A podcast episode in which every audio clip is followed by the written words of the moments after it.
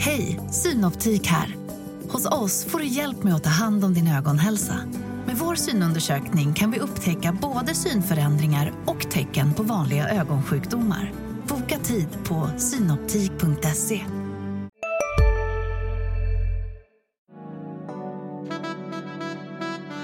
Du lyssnar på en podd från Närkes Allehanda.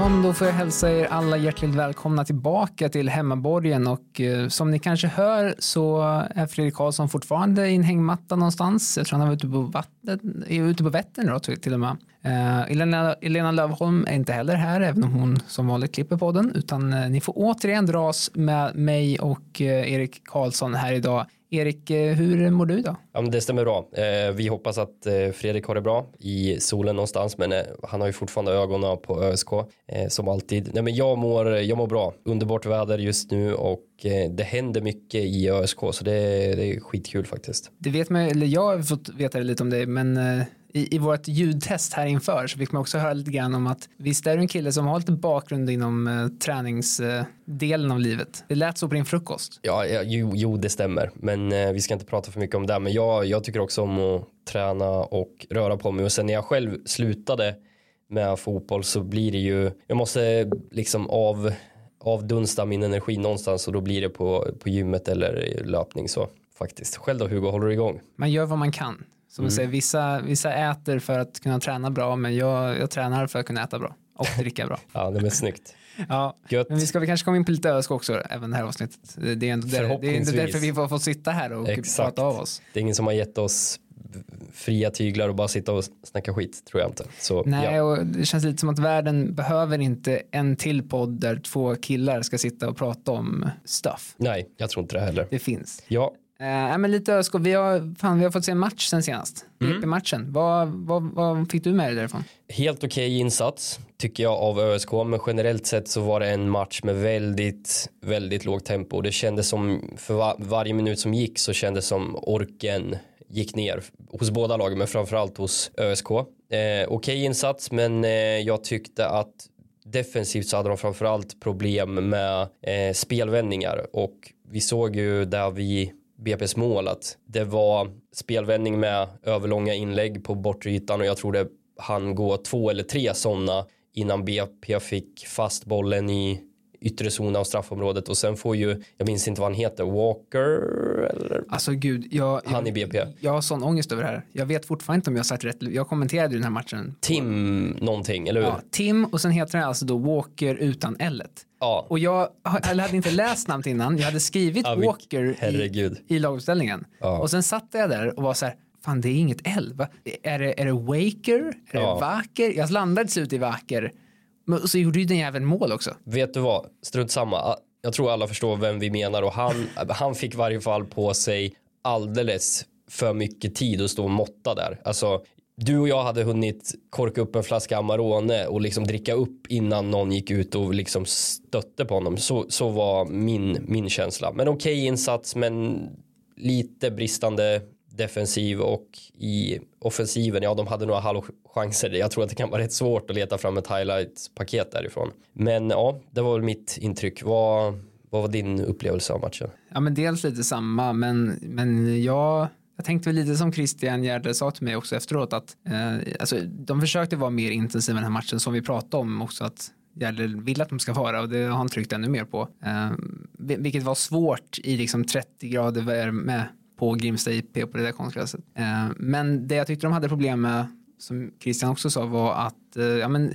genombrottet, sista passningen in mot sista tredjedelen för där kom de egentligen aldrig igenom som du säger. Alltså, mm. chanserna de hade var typ oftast kanske ett skott utifrån. Eller så. De, mm. de kom sällan in i straffområdet och lyckades sällan slå något som ens liknande en avgörande passning. Nej, men jag, jag håller med dig och Jake hade ju en fin sån aktion när han jag tror från eh, ytterzon till vänster får bollen, vänder upp och du vet bara borra ner huvudet, zigzacka förbi två försvarare och sen i avslutet, där finns det mer att önska. Men just den tendensen och det pratade ju även, jag snackade med Eh, Noel, jag minns inte när, om det var tidigare i veckan eller om det var i slutet på helgen. Eh, vi snackade ju mycket kontrakt men vi snackade också mycket om hans egen prestation och sådär och han, han pratade ju om att det, det satte sig lite i, i varje fall i hans huvud efter försäsongen att när de första matcherna, när det inte gick riktigt som han ville, att skottet gick utanför istället för innanför stolparna. Det blir lite mentalt också att då man håller sig själv, man håller igen sig själv lite, man vågar inte göra utmana den där sista backen eller gå på eget avslut. Så att jag tror det är någonting också eh, ÖSK behöver jobba på. Noel var väldigt självkritisk mot sig själv och hela spelartruppen. Att det handlar inte bara om att Christian och tränarstaben ska ge instruktioner utan det handlar om att spelarna måste ta ansvar och våga göra det under matcherna. Så ja, det var intressant lyssning. Väldigt klok för att vara så ung, Noel tycker jag. Ja, och som eh, Jake Larsson kan ju få lite spelaren som får personifiera det problemet känns det som de senaste egentligen kanske två åren. Eh, han gör väldigt mycket rätt och sådär men när det kommer till sista delen, bara sista att bara sätta bollen i mål eller göra den sista gubben på rätt sätt och, och slå sista avgörande passningen. Eh, där har han, det har ju känts som en självförtroendefråga och nu hela laget får känna på det också nu. Eh, men för honom har det ju, det, den sekvensen du pratade om kändes ju väldigt tydlig för det också. Han gör ju mm. allt rätt innan, tar sig förbi, jag vet inte om det är två eller tre gubbar inom ja. straffområdet kommer till skott i ett ganska bra läge också, men ja, någon meter utanför. Liksom. Mm. Och det, är lite, det känns som en sammanfattning av, av eh, ÖSKs säsong hittills. Att bra fram till straffområdet eller till och med i eller runt om straffområdet. Men där är det något som, som skaver. Så ja, vi, eh, vi får se om de kan lyckas förbättra det eh, framöver. Ja, och om vi ska ta lite avstamp eh, i det och gå vidare med en liten segway till, till, eh, en annan grej vi, vi behöver avhandla så är det ju att eh, i vårt, i vårt förra avsnitt när vi fick spela lite grann så resonerade vi väldigt mycket kring ja, men Noel versus Kalle. Liksom, skillnader mellan dem, vad den ena bidrar med, vem som egentligen liksom, kommer vara bäst för ÖSK i höst. Liksom. Men vi ska ju, nu har ju Kalle kommit in, vi ska vi prata lite mer om Kalle snart också. Men just nu har vi en situation där ÖSK har tillgång till både Kalle och Noel. Och Christian har ju öppnat upp för det och en omöjlighet är det absolut inte att båda finns kvar i ÖSK in i hösten. Ehm, de två tillsammans på en poppetplan, vad tror du de två kan, eh, kan bidra med i just sista tredjedelen? Det blir ju en otrolig tillgång om eh, om ÖSK får behålla Noel också då har man ju en väldigt stark anfallsuppsättning. Och jag tror framförallt att Kalle kan Kalle kommer ju tillföra mycket offensivt men Christian pratar ju om och det håller jag med om att han kan tillföra mycket i försvarsspelet också att även om Noel är en klok och duktig spelare redan nu att lära honom ännu mer hur han ska pressa, när han ska pressa och när han ska gå in hela vägen och gå för att vinna bollen eller när man ska falla tillbaka. Så jag tror mycket smartness kan Noel lära sig av Kalle och att om Kalle får mer mer, vad ska man säga, bevakning så öppnar ju det även ytor för andra spelare i ÖSK, Jake och Noel som kan eh, göra skador i motståndar, motståndares, motståndarens försvar. Så jag, jag, tycker det skulle vara väldigt spännande att, att de får spela ihop och sen om de spelar som ett rakt anfallspar eller om det blir Christians andra formation med en anfallare och två inverterade yttrar eller släpande tior, det återstår ju att se. Men jag, jag, jag gillar tanken att se Noel och Kalle som ett anfallspar. Vad, vad hade du föredragit? Ja, som du är inne på lite grann det sättet som Christian har kanske ställt upp på flest matcher har ju varit den här formationen med Noel som spets och sen två, ja, vi kan kalla dem för släpande tior på något sätt liksom bakom. Men eh, han har ju också använt, testat att använda sig av en formation med två mer renodlade anfallare med Noel och Jake där. Och ja, men tanken på att få se Noel och Kalle där. Jag gillar framförallt det du var inne på med att Kalle också genom sin blotta närvaro drar på sig uppmärksamhet och det kommer ju öppna upp ytor för de flesta andra offensiva spelarna och även liksom eh, att David Seger kan komma på eh, andra vågslöpningar och sådär. Men det, det, känns Alltså, det känns såklart fortfarande lite som ett drömscenario för ÖSK-supportrarna att, att både Noel och Kalle ska vara med in i hösten. Mm. Eh, men skulle de vara det så tror jag att det kan bli ett rejält lyft mm. ÖSK.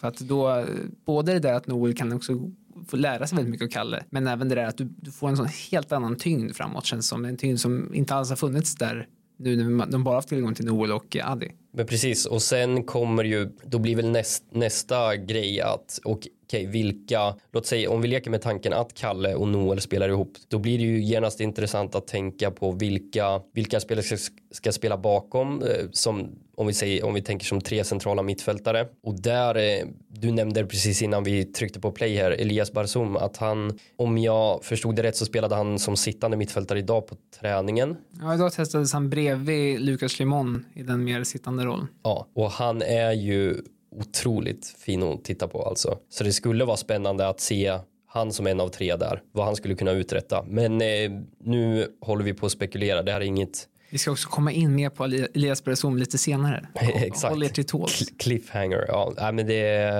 det, det, det, är spännande med Kalles ankomst och att det inte har hänt någonting med Noel än. Så, mm. Vad, för du är ju väldigt kunnig inom alltså, både statistik och formation och hela liksom, schackaspekten av eh, fotbollen. Liksom. Om vi tittar på de två formationerna, dels den med två renodlade anfallare eller den med två släpande och en renodlad. Vad är, om man ska förklara lite enkelt, liksom, vad är skillnaden mellan dem och vad får du ut utav liksom, de båda?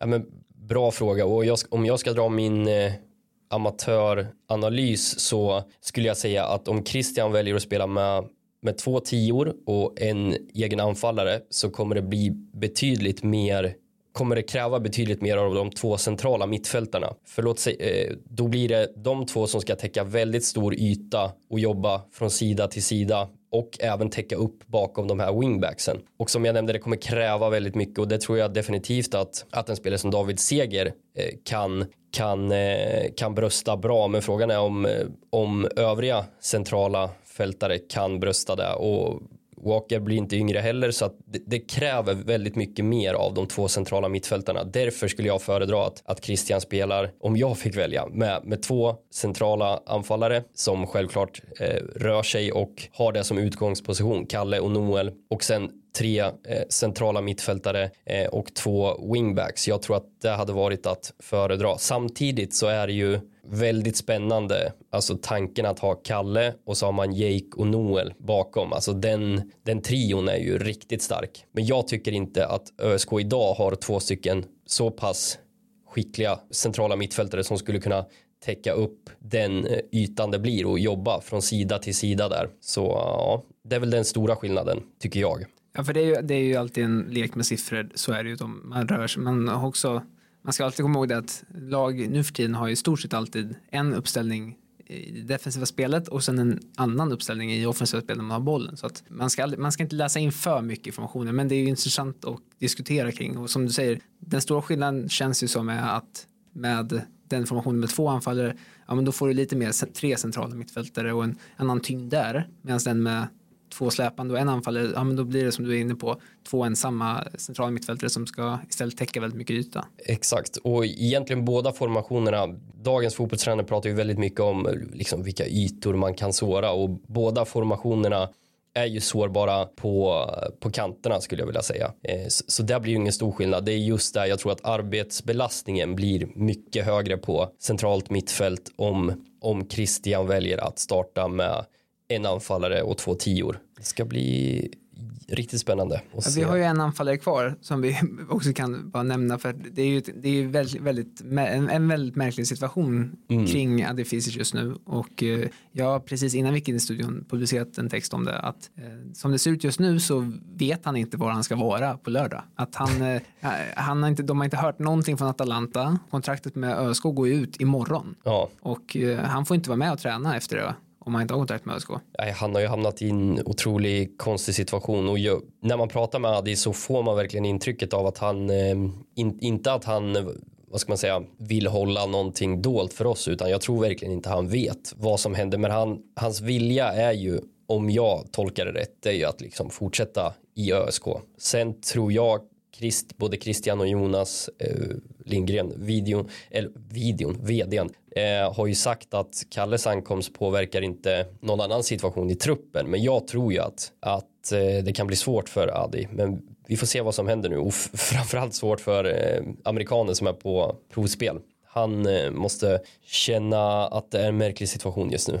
Ja, han, han var inte med jättemycket och spelade idag på träning. Han, han fick komma in lite på slutet men i övrigt så satt han ganska mycket bredvid så att ja, vi, får, vi får se vad som händer med honom. Men det, han har det kämpigt just nu. Mm. Men nej, det, då, alltså, som jag hörde från Christian så har de alltså i Atalanta bytt, de håller på att byta akademichef just nu. Mm. Så att Adi har liksom fallit lite mellan stolarna. Så att det krävs då att den här nya chefen kommer på plats och sen tar ett beslut kring Mm. Adi. Huruvida de ska låna ut honom till ÖSK ytterligare, hur, huruvida de ska kalla hem honom. Men det blir framförallt väldigt märkligt för Adi att sitta här och inte ha en aning om var han ska vara om två dagar liksom egentligen. Ska han sätta sig på flyg till, till Italien liksom lördag morgon eller, eller vad händer? Nej, verkligen. Det, jag håller verkligen med dig. Och det, det känns som att Italien har, har en historia av eh, lite, inte just Atalanta, men italienska klubbar att, att kontraktera väldigt, väldigt många spelare i sin trupp och sen låna ut dem till höger och vänster och sen eh, slutar det ofta i ganska dålig dialog med spelaren och eh, hur hur framtiden kommer se ut. Så vi hoppas verkligen att Adi får tydliga besked i varje fall. Ja, Vad- framförallt för Adis skull. Ja. Alltså,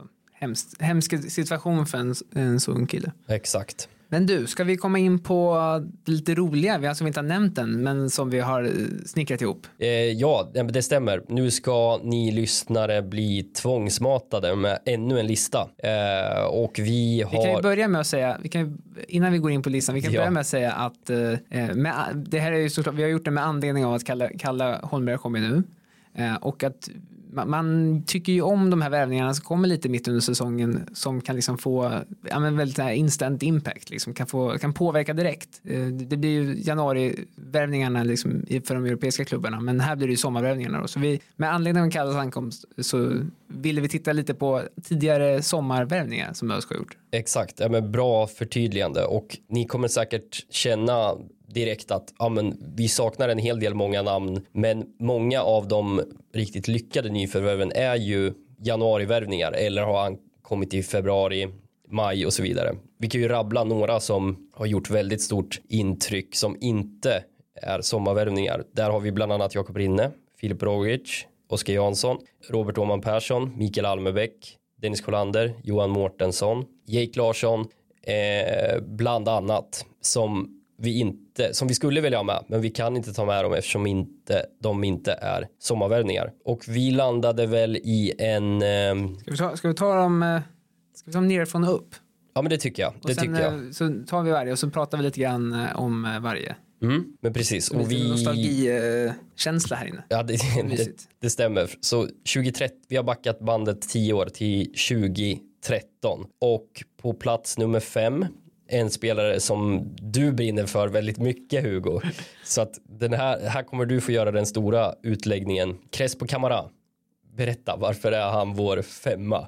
Ja men eh, alltså underbar anfallare. Alltså så mycket power i en och samma kropp. Och sen även framförallt det, han fick ju nästan mer impact egentligen året efter i allsvenskan. Men han kom ju under året i superettan och gjorde direkt 6 på 12 matcher i superettan. Och, han var, då var han ju, var ju, jag ska också säga så här att det här blir mycket vad, vad vi minns nu. Vi har inte gjort någon deep research och kollat på matchbilder och sånt där utan det, här, det är lite med en klackspark. Men en fantastiskt fin anfall att titta på. Men sen framför allt så blommar jag ut ordentligt andra säsongen i allsvenskan och tryckte dit 14 på 19 matcher och var tillsammans med Podo om jag minns rätt var extremt bra i allsvenskan det året. Ja, nej, men jag, jag är enig med dig. Eh, otroligt fin och eh, ett, eh, ett bra namn på listan. På fjärde plats placerar sig en spelare som jag minns var bra när han kom men eh, han, eh, han hade ännu bättre siffror än vad jag kunde minnas när vi verkligen eh, kollade upp det och det är Martin Broberg som idag är assisterande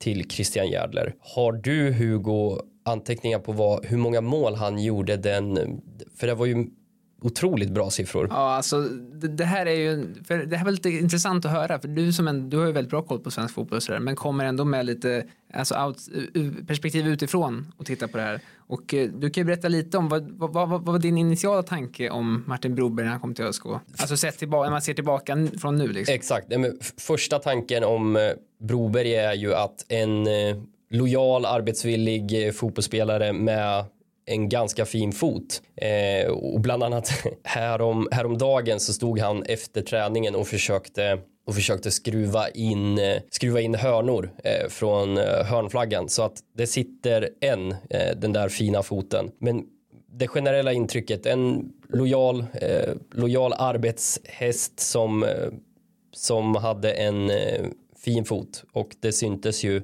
i siffrorna. Men han har säkert betydligt mycket mer att bidra med som jag inte har eh, noterat så. Ja, för att eh, för jag, jag och alla andra örebroare förmodligen minns ju verkligen den här hösten som Martin Broberg kom in. För han, han kom från Djurgården och kom in som en orkan kändes det som och gjorde verkligen gjorde liksom mål på allting. Han är kanske det tydligaste exemplet jag har från början på en, en sån här sommarvärvning som verkligen kommer in och påverkar direkt.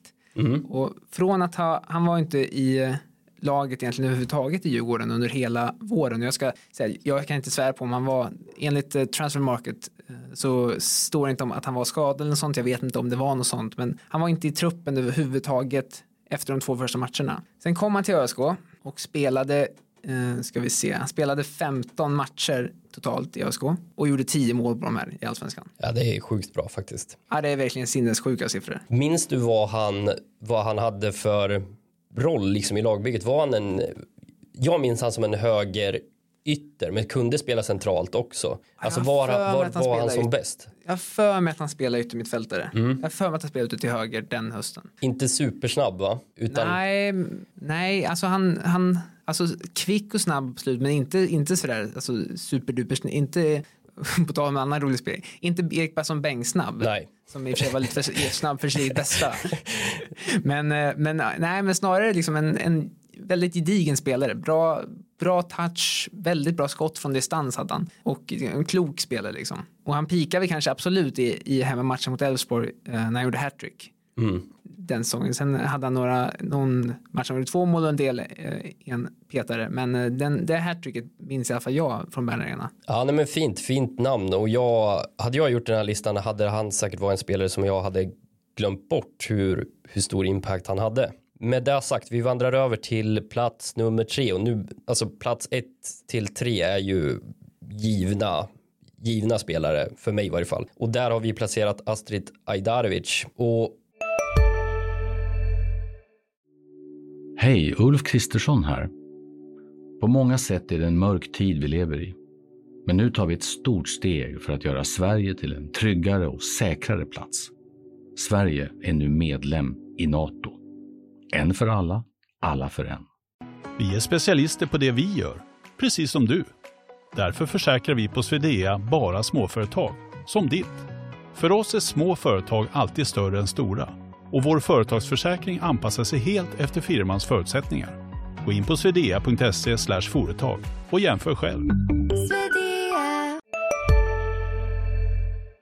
Ajdarovic kom ju till ett bygge med snea plankor och han tog fram sitt vattenpass och rättade till plankorna. Jag menar, han kom och skrev på för Örbo 2015. Då låg laget näst sist med 13 poäng efter 19 omgångar. När vi summerade säsongen så slutade ÖSK 9 med 37 poäng. Och en av anledningarna är ju hans ankomst. Eh, och eh, han bidrog bland annat på 10 matcher med två mål, 9 assist. Och det fina spelet fortsatte ju eh, året därpå. Och 2016 var han ju en av all allsvenskans hetaste spelare. Bidrog alltid med framspelningar, hade en bra blick med liksom tre, eh, 360-gradigt perspektiv kunde hantera passningsspelets alla tre delar, korta, medium, långa, långa passningsspelet. Hade bra samspel och dynamik med, med både mittfältare och anfallare. Samtidigt så var han ju också lite, lite rörig och bufflig. Han sa väl, jag för mig att han sa uttryckligen att han inte fick tillräckligt med respekt i ÖSK eller något sånt. Att, det låter ju som ett Ajdarevic citat om inte annat. Ja, nej, men precis och kanske där och då hamnade han i liksom individualismens epicentrum. Han fick liksom han kom hit, doppade två spetsarna i ÖSK, lämnade och drog vidare. Men otroligt fin sejour och en otroligt fin spelare. Ja, det, alltså, det här är också en, en spelare som um, egentligen alla som har följt ÖSK verkligen minns. Kanske framförallt från den här tiden, men tidigare också. För att alltså, han hade en högsta nivå som har varit svår att överträffa. Det är få spelare som har kommit upp i så pass i sån hög högsta nivå i ÖSK de senaste tio åren. Och hans vänsterfot är ju helt magisk också. Jag håller med dig. På tal om högsta nivå så leder det oss in till en spelare som också hade det. På plats nummer två så har vi placerat Nahir Besara och om jag inte minns fel så har väl han också egentligen två vänder i ÖSK under det här tidsspannet. Ja, det har ju Astrid också. Vi ska, jag ska dubbelkolla exakt vilka vänder det är, men, men du kan prata lite mer om Nair så länge. Ja, ja, men eh, under tiden du kollar upp det så kan vi ju bara nämna kort att för oss är ju Nair Besar en spelare med otroligt hög högsta nivå och allmänt jämn i sina prestationer. Outtröttlig klassmittfältare som behärskar det mesta. Bidrog också med mycket poäng för att vara, vara en eh, sån spelskicklig mittfältare. Alltid fina fötter och expert på spelvändningar. En ledare och förebild som alltid tog ut sig till max på, på planen. Och i toppform är han Ja, alltså jag undrar om när Nahir Besara var som bäst. Jag undrar om han inte har varit, hade den högsta höjden under den här tidsperioden, det ska sägas. Eh, och som jag nämnde, alltid en vass poängspelare, både med framspelningar och mål. Ja, men han har ju tre, han har tre sessioner. Dels, tre sessioner till ja, och med. Dels, ja. dels 16-17 kom han i augusti från Gustepe. Just. Och sen eh, dök han ju upp här 1920 mm. eh, i juni. Och sen var han en vända i Hatta Klubb i Förenade Arabemiraten innan han kom tillbaka eh, sommaren 2021. Vilket var sista sessionen då innan han drog till Bayern. Och han, eh, det här är också en av de spelarna som kanske den som liksom, under sina perioder han har hållit en fruktansvärt hög klass i ÖSK. Mm. Och man, även under det brutalt dåliga 2021 så var han ju en, ändå spelarna som ändå höll sig på en acceptabel, känns fel att prata om mm. när det kommer till Nair Besara. Men ja, en, en högst godkänd nivå liksom. När andra föll igenom totalt. Ja men verkligen och det känns inte som han har fått ett erkännande egentligen förrän de två senaste säsongerna i Hammarby. Alltså att verkligen vilken klass mittfältare det är. I ÖSK har han säkert varit uppskattad och att eh, här i regionen så men om vi tänker brett generellt i Sverige då har man verkligen man, jag verkligen förstått och jag har alltid respekterat Nahir Besara men det är verkligen en rakt igenom klassmittfältare. Ja, men det där är också ett intressant perspektiv. Många, jag tror många örebroare känner igen sig i det. Att rikspressen är ju ofta väldigt fokuserad på Stockholmslagen och de stora lagen. Ja. Eh, och det, var, det, var, det, har varit lite som med Besara, att när han väl gick till Bayern och har varit extremt bra i perioder allsvenskans bästa spelare i Hammarby eh, så har folk liksom bara så jävlar vad bra han är, liksom, har ni sett Nahir Besara? Mm. Och då, då, har vi som bor här lite stått och bara ja vi, vi, har, vi har sagt det ett tag nu. Vad, var har ni varit i tio år? Ja, ja men nästan lite så. Ja. Lite den känslan i alla fall. Ja, och det leder oss in på plats nummer ett där vi har placerat Nordin Gerzic. Och han såldes till Real Göteborg för en väldig massa miljoner, nej men 8-9 miljoner om jag minns rätt. Och kom tillbaka 2014 och gjorde ÖSK väldigt mycket bättre med sin passningsskicklighet och klokhet fyllde han en lucka som jag tycker ÖSK saknar än idag. När vi fick se Gerzic spela fotboll i sina bästa stunder så tyckte jag att han alltid var på rätt plats vid rätt tidpunkt och fattade rätt beslut. Han hade teknik och split vision, ögon i nacken och när han inte gjorde rätt så såg han till att aktivera hockeyröven och fixa frispark i rätt situationer. Dessutom hade ju Gerzic ett bagage och alltså något som smutsade ner den här helylle-imagen och eh, ja, men den mänskliga, mänskliga faktorn. Han kom tillbaka liksom efter en turbulent tid och landade på fotbollsplanen som en fjäril med ömma fötter igen. Det kändes som det tillföll lite. Sen var det ju en tid när ÖSK var otroligt stabila när efter Gerzic kom tillbaka. Man blandade ju några placeringar på övre halvan men sen var man ju också en stabil nia under många år där med Gerzic som otroligt viktig på, på centralt mittfält och jag tror ju att han kommer säkert ha en roll i ÖSK i framtiden. Så. Ja, det tror jag också. Vi ska också, ska också nämna här, vi har lite, vi har lite kofotat in honom för han kommer på lån tillbaka från Göteborg först, 13-14 och det är från den vi har tagit nu. Ja. Sen var han ju lite och studsade tillbaka Göteborg på lån sådär innan han slutligen kom eh, 2015 på en free transfer. Men, det, men som du är inne på, det, det Nordin framförallt är, är att han, han har ju varit liksom, även efter, efter Magnus Wikström och, och Fredrik Norback och, även Patrik Hagen när de som föll bort sig. Han, han, har ju varit Mr ÖSK egentligen. Mm. Ja, från det att han kom tillbaka från Göteborg tills dess att han la av något år sedan och är ju en av klubbens absolut största spelare genom tiderna.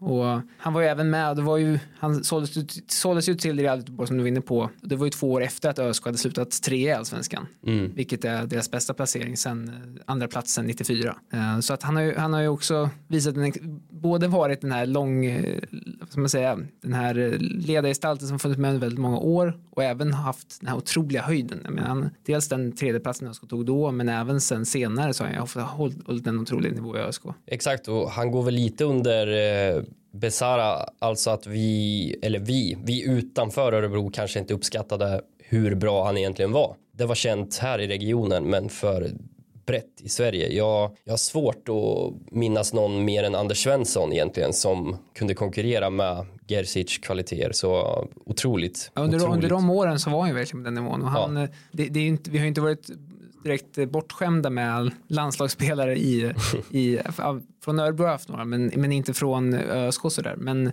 både Micke Almebäck och Norin Gerzic fick ju spela januariturnén under de här, några av de här åren. Och så att han var ju verkligen och knackade på den landslagsdörren. Sen blev det aldrig mer än så, men bara det bevisar ju ändå lite vilken nivå han höll. Ja, exakt. Vi alla minns ju frisparken mot AIK som han satte.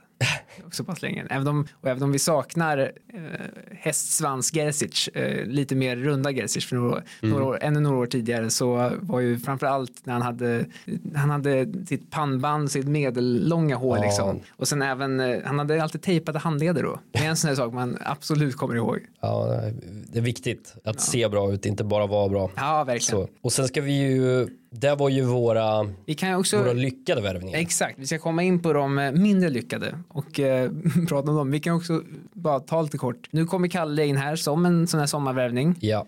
Vart, vart tror du liksom, har han chans att slå sig in på den här listan efter den här hösten? Eller om, om man ska försöka liksom vara profet och sia om framtiden? Mm. Det tror jag definitivt. Jag tror ju att han, alltså det ska mycket till om han, eh, om han ska peta Gerzic, Besara eller Ajdarevic. För de har ju haft otroligt stor impact. Men det är klart att han skulle kunna, låt säga, om vi leker med tanken att Kalle skjuter upp ÖSK och sen får ett par fina år i allsvenskan. Då blir det ju definitivt värt att diskutera. Och då skulle jag säga spontant att han kan peta ner både Broberg och Crespo Camara ett hack. Men ska han upp på topp tre då kräver vi, då kräver vi mycket av, av Kalle. Och det är mycket troligt att, att han kan väl leverera där men det ska han, eh, det ska han upp till bevis nu. Sen kan vi ju nämna några, några bubblare som var nära på att eh, leta sig in. Vi har ju bland annat Dennis Hymmet som... Eh, ja, vi, måste, vi måste ta... Vi måste ta... vår, vår kollega Billy brann ju väldigt mycket för att få in Dennis Hymmet på topp fem här. Så uh, berätta vad du minns om Ja men det, det köper man också. Det, det här är så pass mycket nutid att man ändå har liksom jobbat med det under tiden på något ja. sätt. Eh, men eh, för, alltså framförallt, han har ju den, den absolut största debuten. Man, jag, jag vågar hävda att det är den bästa ÖSK-debuten som någon ÖSK-spelare någonsin har gjort. Mm. I och med att han, ja, vi har ju varit lite svältfödda här i stan på, på rivaliteter. Ja. Så ÖSK har ju egentligen, det har ju varit Norrköping liksom, i och med att Degerfors har varit så långt borta tidigare. Så Norrköping har ju varit det stora rivallaget liksom. Och att då gå in i sin debut på Bern Arena och göra ett hattrick mot Norrköping hemma och när ÖSK vänder och vinner med 4-3. Det är stort. Det är svårslaget. Sen på något sätt blir det ju ännu mer mystiskt på något sätt och ännu mer större, eller ännu större på något konstigt vis känns det som genom att det var ingen som fick se det. För att mm. det var pandemin. Mm. Så det var tomma läktare. det, det, det, det, skapar någon form av mystik kring den, här, kring den här matchen egentligen. Det bygger hans, eh, hans legacy ännu, ännu mer hör jag. Mm. Ja, och så gjorde han ytterligare två mål och även fyra assist tror jag den hösten efter att han kom. Ja, men kort men fin period. Ja, han, verkligen. Framförallt den debuten. Han kommer, ingen kommer glömma honom efter den debuten. Nej, och sen eh, diskuterades även Daniel Daje Björnqvist. Han letar sig inte in på topp fem, men vi, vi nämner honom som... Eh, det är också lite på de här, eh, alltså vi har ju smugit in lite sådär att man ska, alltså påverkan man haft efteråt också. Ja. Inte bara tidiga impacten. Så, och att, och eh, Daje är ju den numera absolut största kulturbäraren i ÖSK. Exakt, och en annan bubblare som vi pratade om var Shpetim Hassani och det är väl vårt hipsterval, men han hade ju otroligt... Jonas Brännhult blev jättearg om man hörde det säga ett hipsterval. Otro, otroligt fin eh, poängproduktion i svartvitt. Han kom ju eh, och gjorde 19 poäng debut som säsongen, 12 mål, 7 ass. Eh, och sen... Eh, var ju anfallen som sköt upp ÖSK i, i allsvenskan. Ja men exakt och sen om jag minns rätt så spelade han bara halva säsongen där, därpå innan han gick vidare och han stänkte väl in 5-6 mål där också i allsvenskan. Ja, det stämmer nog. Så ja, han, eh, han hade kunnat leta sig in, men det är, eh, det är starka känslor kring Broberg och Crespo Camara, så de petar man, och topp tre petar man inte. Så ja, Nej, nej, och sen ska vi ju nämna att Wilman Serspetti nu för tiden så är han ju tränare för Marieberg, Mariebergs IK i division 5 och även dykt Snyggt. upp både som spelare och även stått i mål för Marieberg de senaste Oh, åren. Ja, bra trivia. Ja.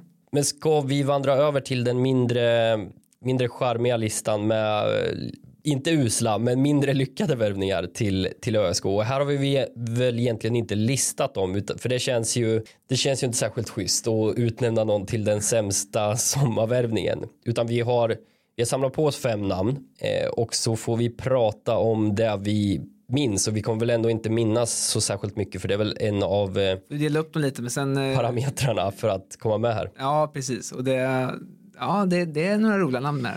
Ja, men jag, jag kan börja med Daniel Sobralense. Han kom ju från, eh, och han var ju också en del av det här otroligt uppsnackade Real Göteborg. Och det gick otroligt långsamt tyckte jag när han var i ÖSK. Och eh, för att ens eh, leverera en passning eller dylikt, ja, men det syntes att hans kvaliteter och fart och lungor Nej, det var inte mycket man fick se i, av hans sejour här i ÖSK.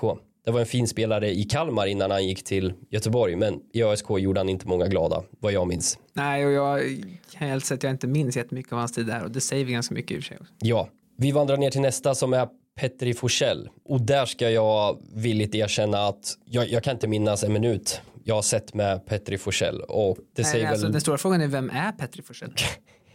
Vi googlar, Vad gör han idag? Vi, vi googlar Petri Ja. Forsell. Mm. Det blir en sån här liten uh, smygig, eh, vad är det det heter? Vad gör, vem, vad gör han då? Eller, de har ju något segment de brukar ha i hemmaborgen. mm, mm, mm. Nu ska vi se vad Petri Forsell har, vad han gör just nu. Han lirar fortfarande i Inter Åbo Oj, och har framförallt haft en lång karriär i Polen. herregud. Stal Corona Kelce, var på lån i HIK, HIK Helsingfors och sen Miedź Legnica. Ursäkta uttalet där. Eh, Men så insprängt mellan massa, massa finska lag och massa polska lag så har vi ÖSK 2017 åtta matcher, inget mål. Och nej, jag, jag, jag minns ingenting av Petri Forsell. Vem är han? Är det, om ni lyssnare minns någonting om honom får ni gärna säga vad och om det var, Maila in till sportnät.na.se. ja men precis, era bästa Petri Forsell-minnen. Finns det något så blir jag imponerad. Vi går genast till nästa namn som är Romain Gall och för mig är ju han ansiktet utåt för anonymitet. Här i varje fall i ÖSK. Han var ju väldigt framgångsrik i GIF Sundsvall. Men eh, i ÖSK, aj, aj, aj, där eh, gick det inte som det skulle.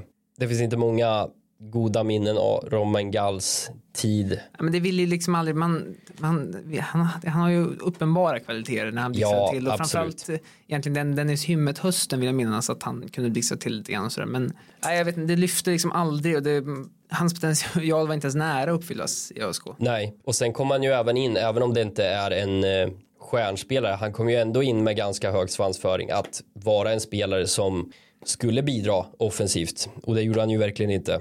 Eh, vi vandrar raskt vidare till en spelare som du har brunnit för att vi ska ha med, Richard Friday. Ja, vi ska ha med Richard Friday. Ja. Ja, fantastiska Richard Friday. Lägg, lägg ut texten, vad, vad utverkade han det här? Fick han någonting? Ja, men han kom, Richard Friday kom hit tillsammans med brassen eh, Patrick Loan under ungefär samma period när ÖSK Okej. hade ett brinnande behov av en anfallare.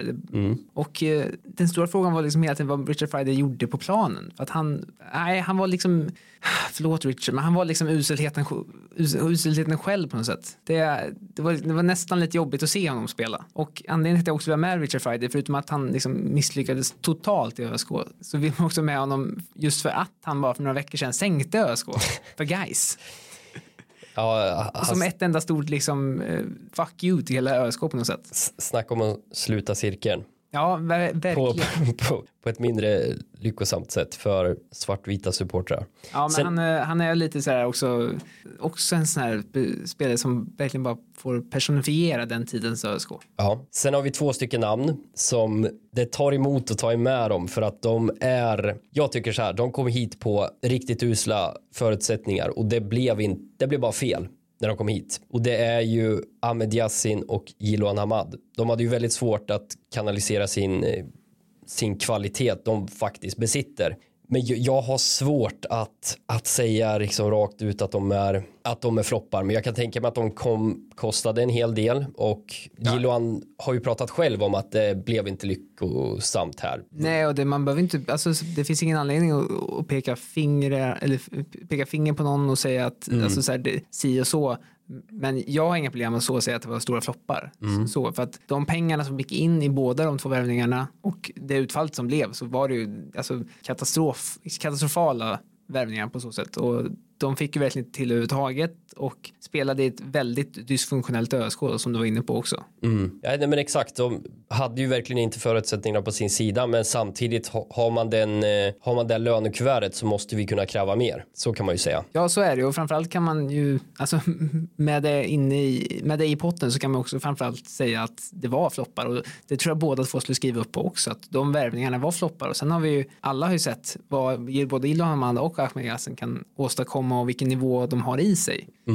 Men den dök inte upp överhuvudtaget i ÖSK. Nej, nej men eh, synd för alla parter egentligen att det inte gick vägen för någon av dem egentligen. Så, eh, och det var, det var alla, alla spelare vi hade noterat. Sen har vi ju elefanten i rummet. Nej, men vi, den största floppen som... Eh, Han som fick ju strykas på grund av att han inte kom på sommaren, Exakt, men, men han bör ju nämnas ändå. Ja, ja, i sammanhanget. Han är väl radioaktiv här i, i Örebro. Han får väl alla att liksom bita på naglarna av att bara höra namnet. Men Tobias Gran, han hade väl, ehm, ja, vad, vad uträttade han egentligen? Han kom hit med stor svansföring. Och, Nej, har du skrivit ner? Vilket år var han kom hit? oh, jag tror han kom hit 2013. Men nu 2013, 2012, ja. Och han visade väl stundtals klass i Mjällby. Men i Örebro blev det ju en riktig, riktig, riktig flopp. Och han var väl egentligen en satsning på ersätt, ersätta Gerzic. Alltså han värvade väl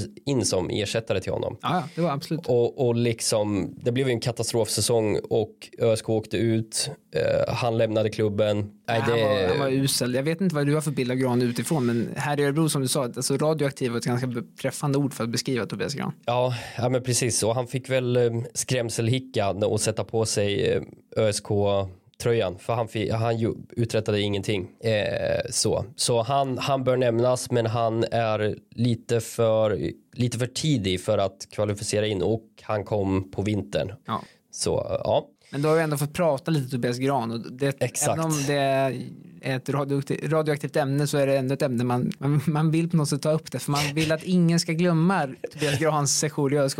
ja äh, men eh, nog sagt om Tobias Gran tycker jag. Eh, Ja. vi, vi behöver liksom inte prata mer om det.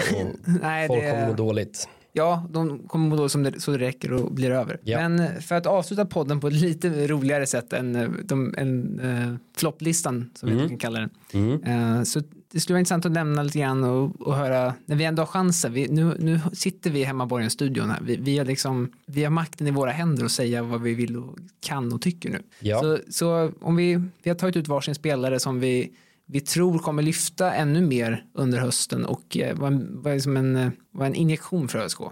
Du kan få börja med din. Vem har du tagit ut? Jag har tagit ut eh, Samuel Dahl och det här är ju inte på något sätt en spelare som redan har som liksom går, har gått under radarn. Han har ju fått väldigt fina hyllningskörer från, från de flesta håll men jag tror att, att han har ytterligare en nivå i sig. Och det var en så talade sekvens på senaste träningen när jag var på när, när de tränade. Framförallt vänstersidan han och eh, Dano att de skulle utmana sin, göra sin gubbe och sen slå eh, slå ett inspel till störtande spelare mot straffområdespunkten. Och han gjorde först bort eh, Daje och sen slår in ett magiskt magiskt inlägg som eh, faktiskt amerikanen nådde högst på och eh, Simonian, ja, Simonia att du, hörde hur jag fegade ur där och inte vågade säga hans Ja, namn. jag märkte det. Men eftersom jag behövde plugga in den när jag skulle kommentera honom så hade jag lite i bakhuvudet. Ja, nej, men Samuel Dahl, otroligt fin. fin. Fina fötter, han är snabb, irrationell, eh, även stabil defensivt. Så att jag tror att vi kan få se ytterligare en växel i honom under hösten, men det är ju ett, eh, ett ganska fekt val av mig. Ja, men, och, ja, fegt inte, men samtidigt så, alltså, bra spelare kan ju också ta stora kliv. Absolut. Och jag håller helt med.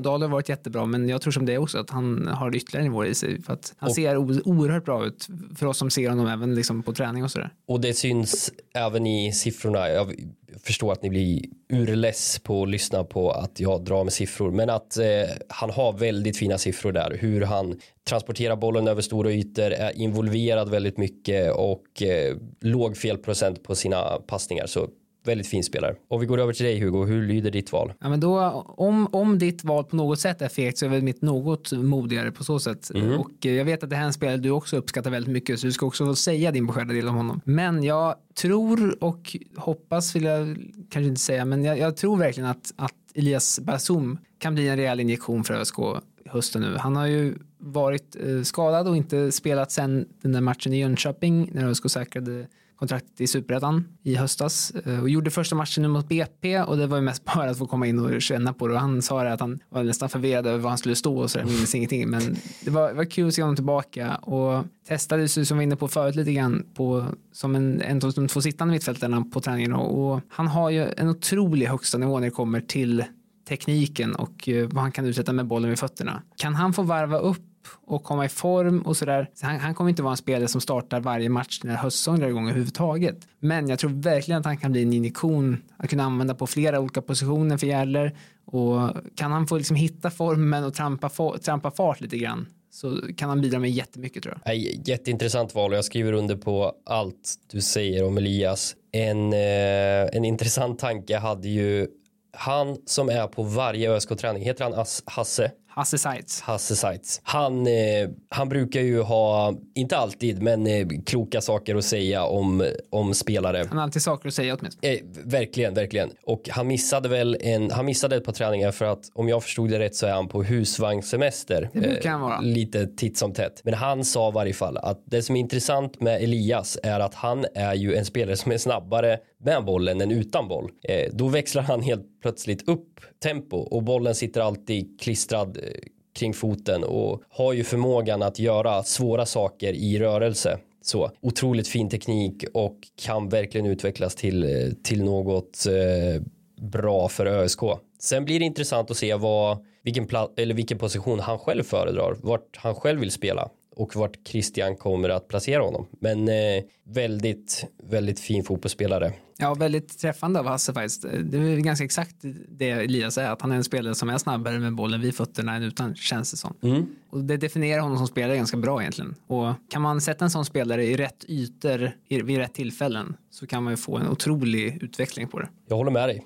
Ska vi avsluta det här eh, avsnittet med att också göra lite reklam? För jag är ganska säker på att det här avsnittet kommer ut imorgon under dagen. Och på kvällen imorgon så möter ju ÖSK IK Sturehov i distriktscupen på Sörbyvallen. Och kan ni inte ta er dit för att se den, vilket jag ändå rekommenderar, även fast jag jobbar på NA, så kan jag också rekommendera våran livesändning av matchen på na.se, där vi sänder hela matchen. Där man förmodligen kom- kommer kunna se bland annat Elias Brazoum i spel, också många andra A-lagsspelare plus några U19-spelare. Ja, men superbra Hugo. När, när drar matchen igång? Så att vi... 19.00. 19.00. Så att vi börjar sändningen eh, 18.50. Så precis som Hugo sa, kan inte vara där så loggar in på na.se och uh, kika på matchen. Men det så tackar vi för oss. Vi får väl se om det blir, vi har blivit lite roastade av våra listor här på redaktionen innan, så vi får väl se om vi får förnyat förtroende ännu en gång, eller om det här är sista gången ni får höra av oss. Jag har, jag har svårt att tro det, men uh, ja, vi håller alla Ja, tummar. vi är redan chockerade att vi sitter här en andra gång. Japp, Ja. Stort tack för att ni har lyssnat på avsnittet och på återhörande. tack hörni.